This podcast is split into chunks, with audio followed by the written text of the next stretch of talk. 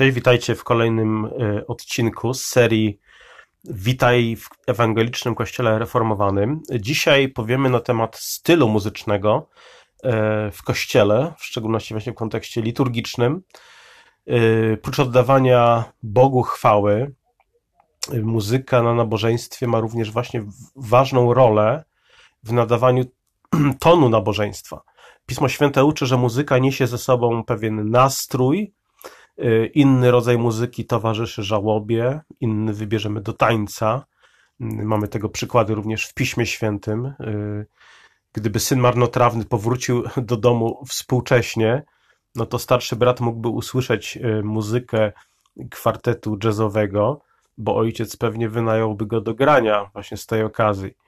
Kiedy Saul, król Saul, zamartwiał się no to właśnie ten szczególny rodzaj muzyki był w stanie rozpromienić jego ducha. E, pamiętamy e, słowa z pierwszej Samuela 16:16, 16. właśnie kiedy Dawid grał na harfie, to Saula opuszczał właśnie ten zły duch. I celem muzyki w Piśmie Świętym jest właśnie nadawanie tonu. Muzyka nie tylko pasuje do określonego zachowania, muzyka wręcz tworzy, tworzy określone zachowanie, tworzy się ją do pełnienia konkretnej konkretnej funkcji wywoływania też konkretnych nastrojów czy emocji. W ewangelicznych kościołach reformowanych staramy się budować, można powiedzieć, ten podniosły, nie, nie, nie jakiś taki smutny, ale podniosły, podniosły nastrój, dostojny nastrój podczas nabożeństwa. Jest to oczywiście sprzeczne z duchem współczesnego wieku y, i współczesnych czasów, które wymagają takiego nieformalnego, wręcz lekkiego, swobodnego podejścia do kościoła. No problem w tym, że Pan Bóg nakazuje nam zbliżać się do Niego. No może to nie jest problem dla nas, problem dla tych, którzy chcieliby właśnie tego lekkiego, yy, lekkiej, luzackiej yy, liturgii czy podejścia yy, do nabożeństwa.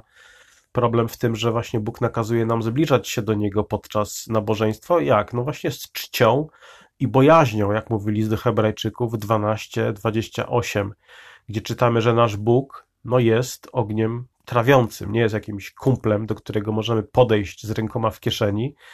Jest Bogiem potężnym, wielkim, ale i dobrym. I bojaźń Boża to nie jest taki właśnie jakiś stchórzliwy strach powodowany obawą przed karą. Jest to rodzaj bojaźni, która jest połączona z odwagą. Zbliżamy się do tronu łaski jak? Z odwagą, ze względu na dzieło Jezusa, Biblia naucza nas, abyśmy sprawowali nasze zbawienie z bojaźnią i drżeniem, ale nie, nie ze strachem, nie z lękiem przed jakimś Bożym gniewem czy potępieniem. I aby to wyrazić w kontekście nabożeństwa, no potrzebny jest określony rodzaj muzyki.